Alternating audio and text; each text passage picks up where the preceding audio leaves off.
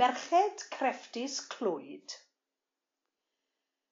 Dwy o ranbarth Glyn Meilor sy wedi bod yn weithgar iawn yn y sioe frenhinol yn Llanelwedd dros y blynyddoedd ydy Mary Mars Lloyd o gangen Dinbych a Gaynor Brian Jones o gangen Bryn-Eglwys, Llandegla. Nia Wyn Davies fi draw i gael sgwrs gyda Mary A dyma oedd y cwestiwn oedd gan Nia. Rydych chi'n wyneb cyfarwydd iawn ar uned Merched y Wawr yn neuadd Morgannwg yn sioe Llanelwedd Mary. Wedi cynrychioli rhanbarth Glyn Meilor am flynyddoedd ar yr is-bwyllgor Gwyl a Hamdden, yn drysorydd presennol yr is-bwyllgor Gwyl a Hamdden, yn gyn-ysgrifennydd Cymdeithas Brydwaith Cymru, yn un o sylfaenwyr cwiltwyr Dyffryn Clwyd, ac yn wraig a diddordeb a thalent arbennig mewn gwaith llaw. Beth am i mi ddechrau drwy ofyn ym mha fath o waith llaw y mae gennych ddiddordeb a sut a ble ddechreuodd y diddordeb? A dyma ateb Mary. Mae'r diddordeb pennaf mewn unrhyw fath o waith nodwydd yn frodwaith, waith canfas neu waith peiriant. Mae'n debyg y cododd y diddordeb yn y dyddiau pan oeddwn yn mynychu'r ffermwyr ifanc yn Ninbych ers dalwm, oherwydd caimynog gyfleoedd gan y mudiad i gystadlu mewn amrywiaeth o feysydd o farnu gwartheg godro ac ieir i waith crefft amrywiol. Yn nes ymlaen yn yr 80au, penderfynais dilyn cwrs City and Guilds mewn hanes brodwaith dros yr oesoedd, cynllunio, patrymau a brodio. Gan fynd i gair bob dydd Mercher am dair blynedd i'w gwblhau a sicrhau'r cymhwyster. Dyma gwestiwn nesaf ni a. Roeddech yn sôn am gystadlu gyda'r ffermwyr ifanc ers talwm, ond beth am gystadlu wedi'r dyddiau hynny? Dyma ateb Mary. Drwy ferched y wawr, dwi wedi cael cyfle i gystadlu yn yr adran grefft yn y ffair eiaf yn Llanelwedd, a'r wyl haf yma chynlleth. Hefyd, ar hyd y blynyddoedd, dwi wedi cystadlu ar rywbeth neu gilydd yn yr adran grefft a choginio yn y sioe, ac wedi cael ambell gerdyn am fy nhrafferth.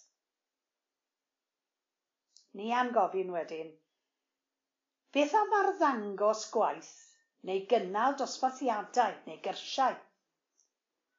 A dyma ateb Mary. Mae'r sioe wedi rhoi cyfle i mi arddangos fy ngwaith a chyfle i mi wneud sesiynau sgwrsio ac arddangos.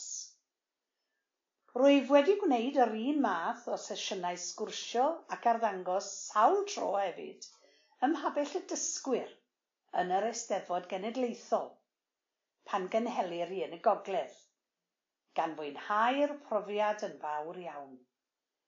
Mae wedi bod yn hyfryd cael y cyfle i sgwrsio a rhyngweithio â'r dysgwyr, a bod yn fodd i ymestyn ei geirfa a chynnig cyfle pellach iddynt ymarfer eu Cymraeg.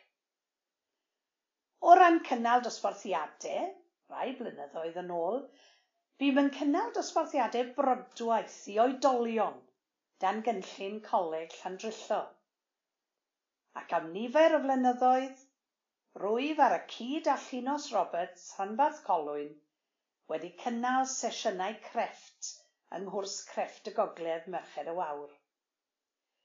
Rwyf hefyd wedi cynnal ambell gwrs i Gymdeithas Brydwaith Cymru. Gofynnwyd wedyn, a beth am feirniadu? Dwi wedi bod yn feirniad yn yr adran grefft sioeau lleol sawl tro, a hefyd ambell flwyddyn wedi berniadu yn y sioe fawr yn Llanelwedd yn yr adran grefft, gan fwynhau'r profiad o gael gweithio ar y cyd a beirniaid eraill. Mae'r sioe yn rhan annatod o'ch bywyd. Ydy wir, dwi wedi bod yn mynd i'r sioe ers erioed, Y sioe yw gwyliau'r ffermwyr.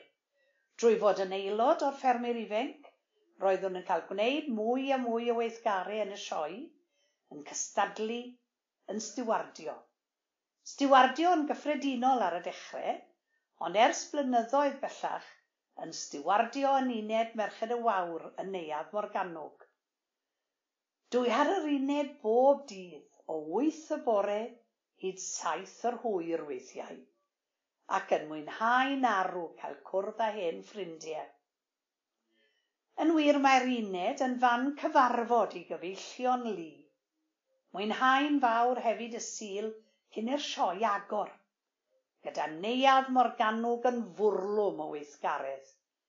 Pawb yn gosod y cystadlaethau, pawb yn cynorthwyo'i gilydd, pawb yn rhannu, hei ar smwddio, pinnau bawd, tap selo, pawb yn cydweithio, pawb yn ffrindiau, pawb yn cael hwyl, yn cymdeithasu a chwerthin.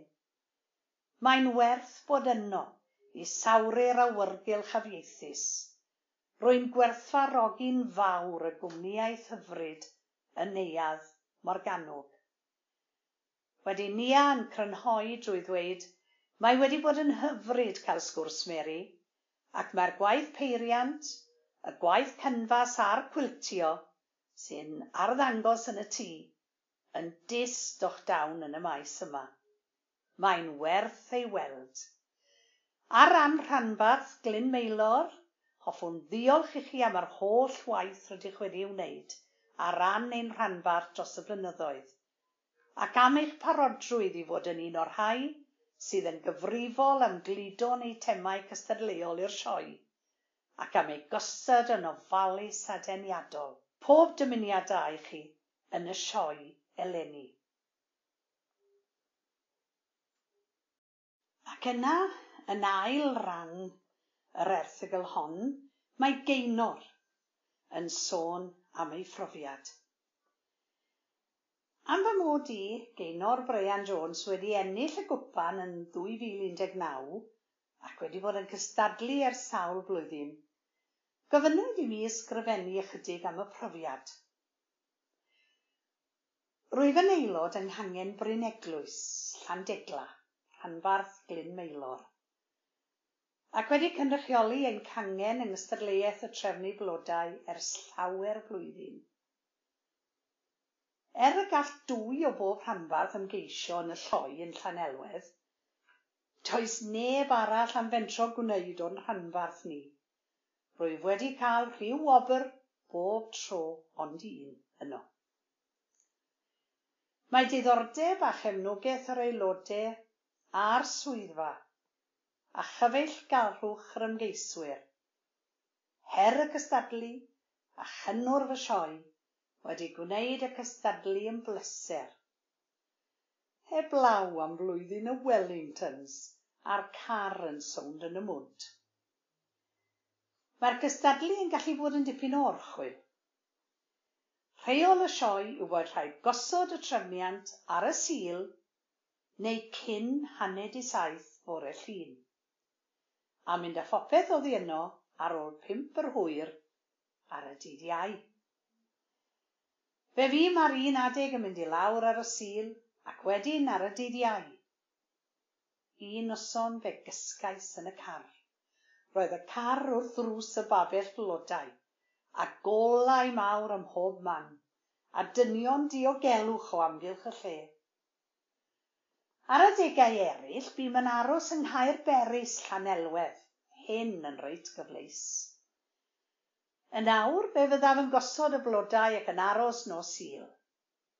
Codi ym hanner i chwech bore llun, mynd heb brecwast, er mwyn cael mynd i'r cae cyn saith y bore, i edrych a yw popeth yn iawn, ac i chwistrellu'r blodau.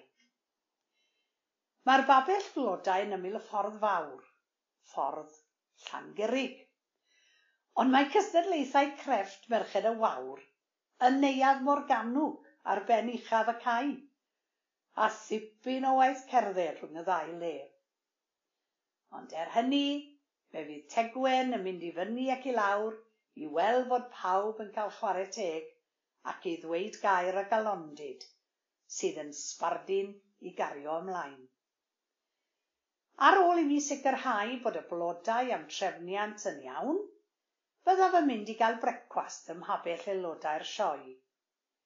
Yna i uned Merched y Wawr, y lle mwyaf derbyniol o'r sioe i gael paned ac ymlacio a chalcwyno bod safon gosod blodau wedi mynd yn uchel, a bod gosodiad lilwen Caerfyrddin yn ardd dderchog fel arfer, ac nad oes gobaith gennyf am wobr. Erbyn hyn roedd Berniadu cwpan Radu Tomos yn mynd rhagddo. A minnau'n rhyfeddu cymaint y waith oedd i'r stiwardiad a'r trefnwyr. Cyfrif y marciau, ac ysgrifennir sylwadau am bob eitem. Sylwi ar brysurdeb Mary Mars Lloyd o'm rhanbarth i a Llinos Roberts rhanbarth Colwyn. Y ddwy wedi stiwardio am flynyddoedd lawer, o'r Sul i ddiwedd y sioe. Y ddwy ar y brig ym myd crefft, wedi ennill ac wedi berniadu yn yr adran agored. A sôn am Mary, Mae Mary yn gofalu am ei temau ein hymgais ni fel rhanbarth a'i gosod yn ddeniadol, ac mae'r safon yn uchel bob tro.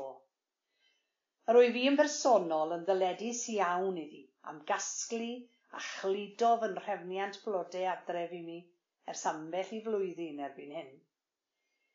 Wedi gweld canlyniadau'r blodau a mwynhau ychydig o'r sioe, troi am adref tua hanner awr wedi pedwar y prynawn. Y thema yw Eden Werdd eleni, a gyda chlwyd mae noddi'r sioe i'r gad. Wrth bolis o'r gwpan a enillais, dyma feddwl rhannu enwau'r enillwyr ers 1989. Dyma rester o'r enwau. Jenny Herbert, 1989, 1990, 1991, 1993. Phyllis Evans Aberconwy, 1992, 1996, 1998. I Margarita Jones, 1994. Nan Jones Ceredigion, 1995. Morfydd Thomas Merionydd, un naw naw saith, dwy fil a thair, dwy fil a pheder. Nia Rowlands Glyn Maelor, un naw naw naw, dwy fil a dwy. Margaret Edwards Teifi, 2000. Lilwen Thomas Carfyrddin, 2005, 2009, 2012, 2013, 2014, 2015. Gwyneth Davies Ceredigion, 2006. Ruth Hughes Aberconwy, 2007. Jill Owen Maldwyn, 2010, 2011. Glenys Morgan, 2016. Jill Knightley, 2017. Nia Williams Uwchaled, 2018. Gaynor Brian Jones Glyn Maelor, 2008, 2019. Darllenwyd yr erthygl gan Gillian Jones sy'n aelod o Gangen Llambed yn rhanbarth Ceredigion.